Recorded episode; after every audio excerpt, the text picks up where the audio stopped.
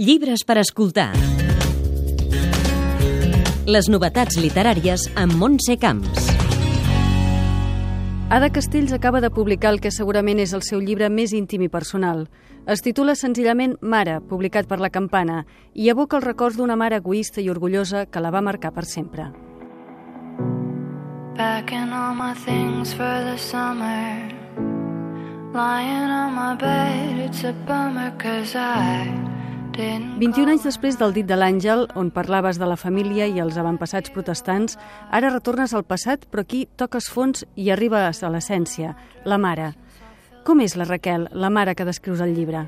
és un personatge amb mala llet, eh, geniut, altiu, que es creu una princesa i que pels amics, pels companys, pel marit, doncs és eh, una persona divertidíssima i extrovertida i fantàstica, però com a mare és un absolut desastre, no? Té un problema que són tres filles i de vegades doncs, aquest problema pesa molt i les dones d'aquesta generació no van poder triar ser mares o no ser mares, vull dir, totes les conduïa a ser mares.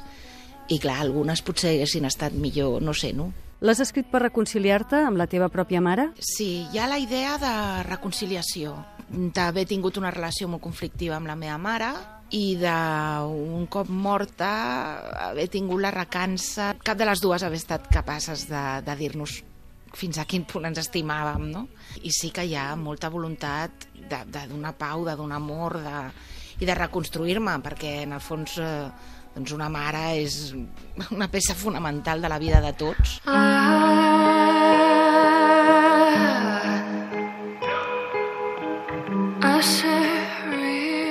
Al llibre tampoc la jutges. És una novel·la que el que ens està dient en certa manera és que en la vida no hi ha bons i dolents, que bé, que tots som molt complexos i que els traumes es viuen d'una manera molt diferent i que fins i tot pots decidir no traumatitzar-te o intentar decidir-ho, no traumatitzar-te, no? I la vida, doncs, també, de vegades les, les passem magres. És que no tot pot ser de color de rosa, no? No tot pot ser perfecte i no tot pot ser eh, foto d'Instagram al canto. I tots som contradictoris i tots som de vegades injustos i tots fem, som mals fills i tots som mals pares. Reivindiques, doncs, la imperfecció? Totalment, totalment, perquè no som màquines i aquesta també és la nostra gràcia. I quan intentem reduir-nos a estereotips és quan les coses van malament. Jo crec que la literatura és l'art que més ens pot transmetre aquesta idea de complexitat humana.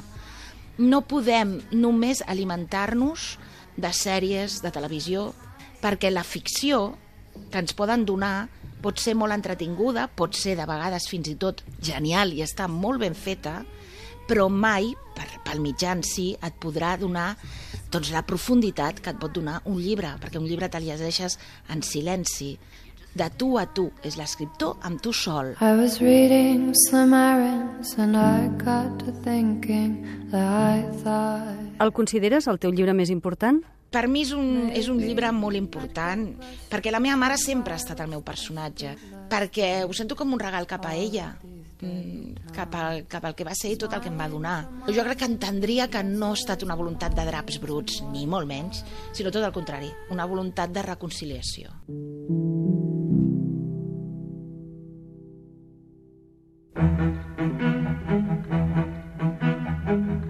L'escriptor té l'última paraula. Per viatjar lluny, no hi ha millor nau que un llibre. Emily Dickinson. Llibres per escoltar. Les novetats literàries amb Montse Camps.